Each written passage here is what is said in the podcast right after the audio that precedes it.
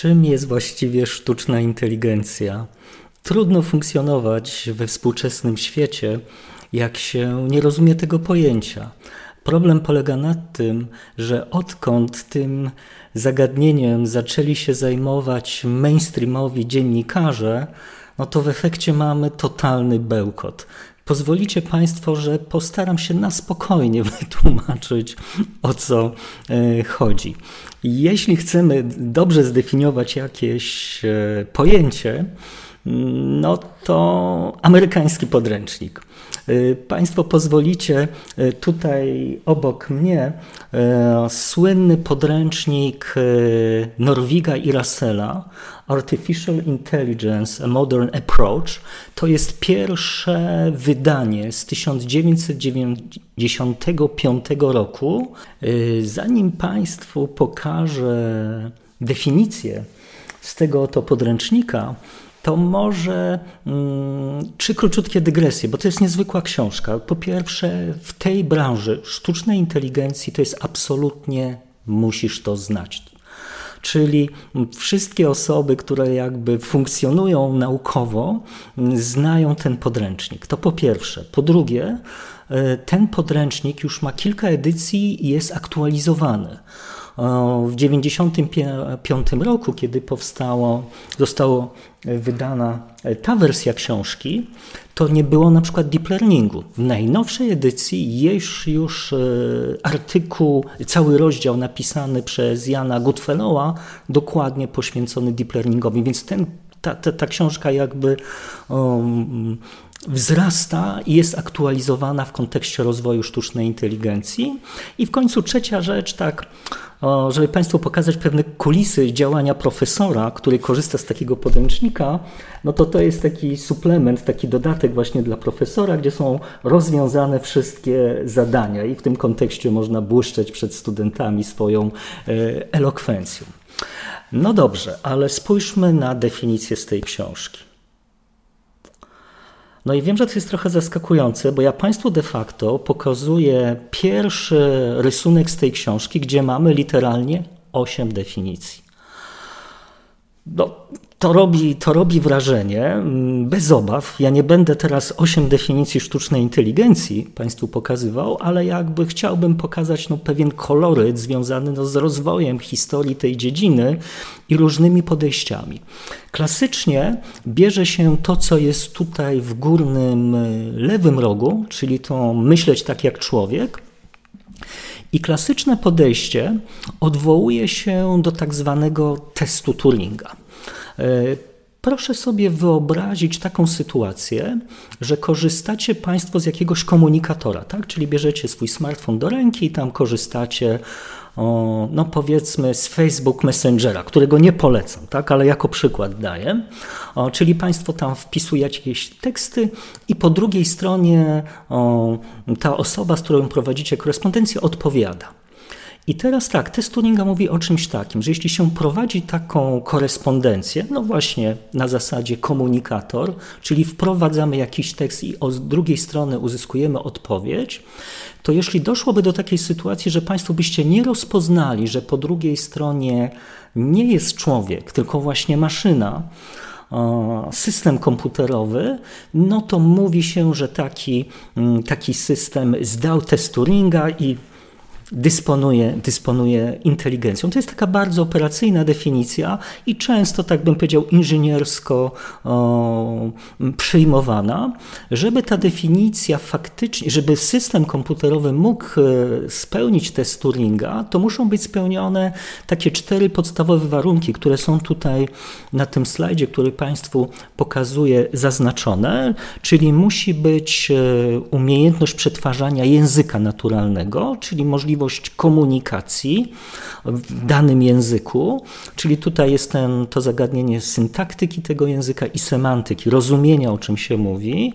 Musi być jakieś, tu jest napisane knowledge representation, czyli reprezentacja wiedzy, czyli ten system tak de facto musi zawierać taką bazę wiedzy, do której się odwołuje w trakcie takiej konwersacji, czyli musi mieć jakąś wiedzę o tym obszarze, o tej dziedzinie, w, której, w ramach której odbywa się rozmowa, no musi być automatyczne wnioskowanie, czyli wykorzystując tę wiedzę można wnioskować i konkludować pewne pewne zdania czy pewne odpowiedzi. I w końcu, na końcu to jest wspomniane, to jest ważne, ten machine learning, czyli możliwość e, mm, adaptowania się i uczenia się w kontekście prowadzenia tego typu konwersacji. Tak? No to, to klasycznie tak to jest rozumiane. Natomiast e, nie ukrywam, że zagadnienie jest dużo bardziej złożone I jakby pozostanie w tej definicji nie jest złe, ale zróbmy krok dalej, bo chciałbym dotknąć tego problemu, tego bełkotu, jaki się pojawia w kontekście rozwoju sztucznej inteligencji. Więc historycznie to jest w ogóle tak, że jak się rozwijała sztuczna inteligencja, w tle powstawała filozofia sztucznej inteligencji i tutaj mamy Sarla z takim słynnym eksperymentem myślowym, który się nazywa Chiński Pokój. Ja może poświęcę film temu, temu, temu zagadnieniu w przyszłości. Natomiast generalnie Serle powiedział coś takiego, że generalnie możemy mieć tak zwaną silną, strong AI i słabą, weak e, AI, tak? czyli silną i słabą sztuczną inteligencję. I Serla, według Serla ta silna sztuczna inteligencja to jest sytuacja, kiedy ten system ma umysł i co najważniejsze ma świadomość. Słaba sztuczna inteligencja to jest wtedy, kiedy system, mm, powiedzmy, zachowuje się tak, jakby posiadał świadomość. Czyli, czyli jest jakby symulowanie posiadania świadomości, że system na przykład, no nie wiem, może udawać współczucie, rozpacz, radość. Nic takiego oczywiście nie zachodzi, ale, ale, ale poprzez y, akty tej, tej aktywności zewnętrznej daje mm, świadectwo tego, że, że coś takiego się dzieje. Tak? Oczywiście to tak naprawdę nie zachodzi, ale mm, zewnętrznemu użytkownikowi tak się wydaje.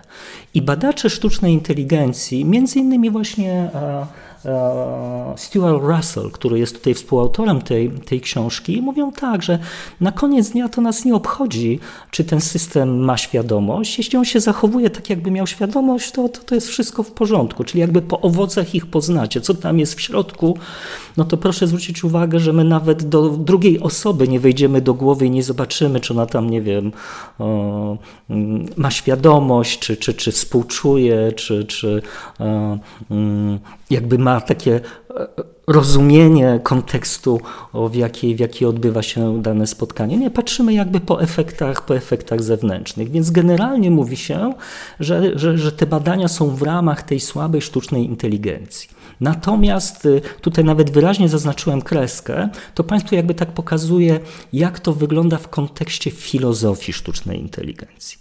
Natomiast y, to, co jest istotne, to jest to, co mamy pod kreską, bo generalnie teraz ten ca, te wszystkie badania, jakie są robione, to generalnie mamy podział na dwa takie fundamentalne obszary. Tak zwaną Artificial General Intelligence i tak zwaną wąską Narrow Artificial Intelligence. I tu jest jakby, to jest najważniejszy podział, o którym chcę Państwu powiedzieć. Jak ktoś rozumie ten podział na tą właśnie Artificial General Intelligence i tą wąską sztuczną inteligencję, to jesteśmy w domu. Czym jest zatem Artificial General Intelligence, czyli ta taka ogólna sztuczna inteligencja? Według definicji, jaką Państwu tutaj teraz pokazuję, to to jest y, mm, taki system, taka maszyna, tak się bardzo często takiej nomenklatury używa, która ma możliwość rozumienia i uczenia się zadań intelektualnych tak jak ludzka istota. Czyli to jest, moglibyśmy powiedzieć, takie odwzorowanie o, o zdolności intelektualnej ludzkiej osoby w pełnym zakresie aktywności. Czyli zarówno tutaj mówimy, nie wiem, o jakiejś aktywności, kiedy idzie się do pracy i wykonuje jakąś pracę e, zawodową, na przykład jako jakiś e, menadżer podejmujący decyzje, rozumiejący sytuację, pracujący, no nie wiem, na Excelu, potem wracający do domu, bawiący się z dziećmi, na zakupach, e, podejmujący decyzje o wyjazdach wakacyjnych, rozmawia, żartujący z żoną, tak? No to są te wszystkie takie, takie aktywności. I w tym kontekście ta. Mm, Artificial General Intelligence to jest taka próba poszukania takiego ogólnego algorytmu, który będzie się uczył i pro, i prowadził aktywność w każdym możliwym środowisku. I to jest generalnie taki po, tak dokładnie była rozumiana sztuczna inteligencja w momencie jej narodzin.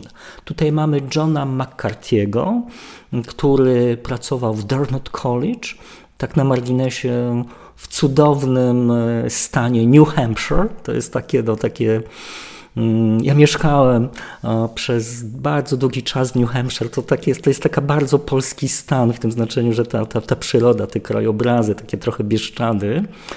E, ale wróćmy do Johna McCarthy'ego. W 1956 roku jest takie seminarium naukowe, gdzie on tam zbiera Newella, Mińskiego, Simona, no absolutnie takie bardzo wybitne, bardzo błyskotliwe mózgi. Oni tam, i to jest takie pierwsze seminarium naukowe, w ramach którego mówi się o sztucznej inteligencji dokładnie w tym klimacie. Jakbym Państwu miał dać jakiś przykład tego typu aktywności, e, Ex Machina, tak?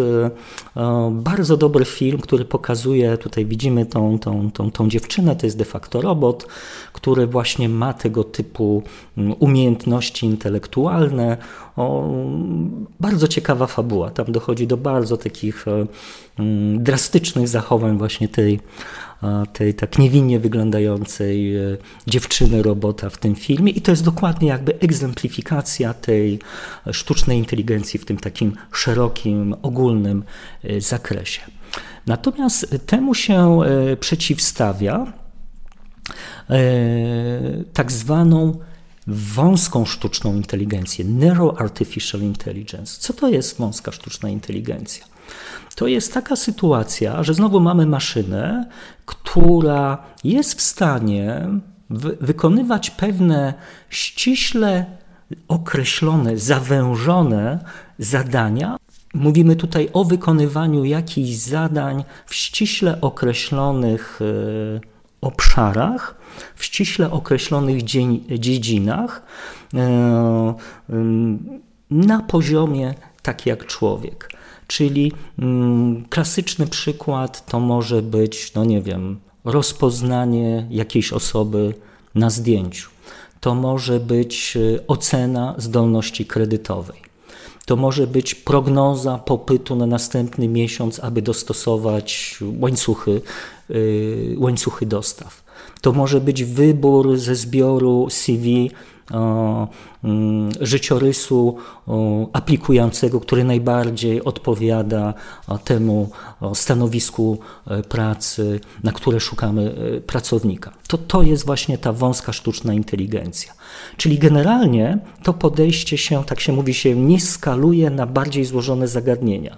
Czyli jak mamy na przykład jakiś system, który no, fantastycznie gra w szachy, no to on jest w tym bardzo dobry. No i tutaj mamy akurat taką sytuację, że tu bezwzględnie już te, te, te systemy działają lepiej jak człowiek, no ale taki system mm, nie przyjdzie do domu i nie zdiagnozuje, z jakiego powodu cieknie y, woda w kranie. I powiem szczerze, praca takiego klasycznego hydraulika jest naprawdę bardzo, bardzo złożonym, bardzo złożoną aktywnością, gdzie, gdzie na przykład właśnie taki program wygrywający z Kasparowem e, e, Mistrzostwo Świata w szachach, tak, nie jest w stanie sobie poradzić, no bo on jest tylko jakby o, dobrze sobie radzi w tej ściśle określonej dziedzinie. Akurat szachy są dobrym przykładem, bo tutaj jest ta szachownica 8 na 8 pól, ściśle określony zbiór mm, figur szachowych, ściśle określone reguły gry. O tak, komputery to lubią. Tak? I to jest dokładnie wąska sztuczna inteligencja. Jeśli miałbym dać Państwu jakiś przykład, może znowu filmowy, zresztą to jest zadanie domowe, które bardzo często daję moim studentom, aby obejrzeć ten dokument y, o, o niezwykłym y, wydarzeniu. To jest y, gra w chińskie szachy, czyli Go, zdecydowanie bardziej złożone zagadnienie i ten dokument AlphaGo opisuje niezwykle ciekawy projekt związany z zastosowaniem deep learningu właśnie do podjęcia wyzwania, rozwiązania tego zadania, kapitalny dokument. Proszę to obejrzeć, to jest bardzo pouczające i to zwłaszcza, że to można obejrzeć w takim przedziale wieku 808 lat, tak? Więc spokojnie od y, najmłodszych dzieci do, do seniorów razem usiąść. Jest to dostępne na YouTubie, więc dam link y, w opisie, to będziecie Państwo mieli taki no, piękny, klarowny przykład właśnie wąskiej sztucznej inteligencji. E, I teraz tak, ta wąska sztuczna inteligencja obecnie tysiące fantastycznych przykładów praktycznych zastosowań. To mamy naprawdę sytuację ekstraordynaryjną, jeśli chodzi o rozwój w tym obszarze. Natomiast ta ogólna sztuczna inteligencja to trochę tak jak z tym moim przykładem. Ja dałem przykład filmu science fiction. Na dzień dzisiejszy tego typu systemy nie istnieją. Cały problem yy, polega na tym, że te sukcesy w ramach wąskiej sztucznej inteligencji, no na przykład system rozpoznający twarze na zdjęciach, jest interpretowane, czy wygrywający w szachy z mistrzem świata, z Kasparowem, czy ten przykład z Go, e, to dziennikarze mainstreamowi sukcesy w ramach wąskiej sztucznej inteligencji przypisują właśnie niby tej istniejącej ogólnej sztucznej inteligencji. I zaraz ten e, przestrach, że e, systemy tego typu przejmą kontrolę nad światem. Nic takiego nie zachodzi na dzień dzisiejszy.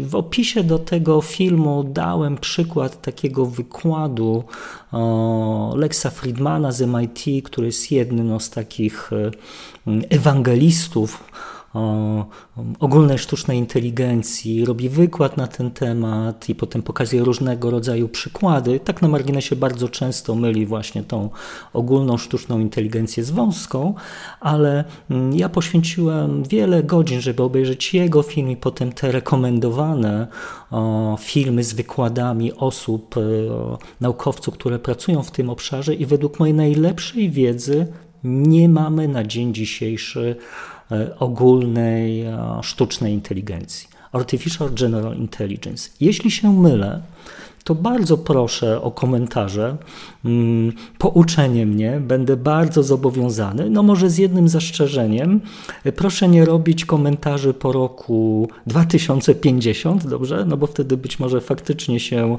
e, ośmieszę, chociaż, chociaż e, nie będzie już mnie na tym świecie, więc spokojnie można też wtedy e, komentować. Co musiałoby nastąpić, żeby ta fantastycznie funkcjonująca wąska sztuczna inteligencja mogła się przetransformować na tą ogólną sztuczną inteligencję. Mm, tutaj Państwo widzicie taką, mm, taki slajd, który opracowałem na podstawie książki Kafui Lee.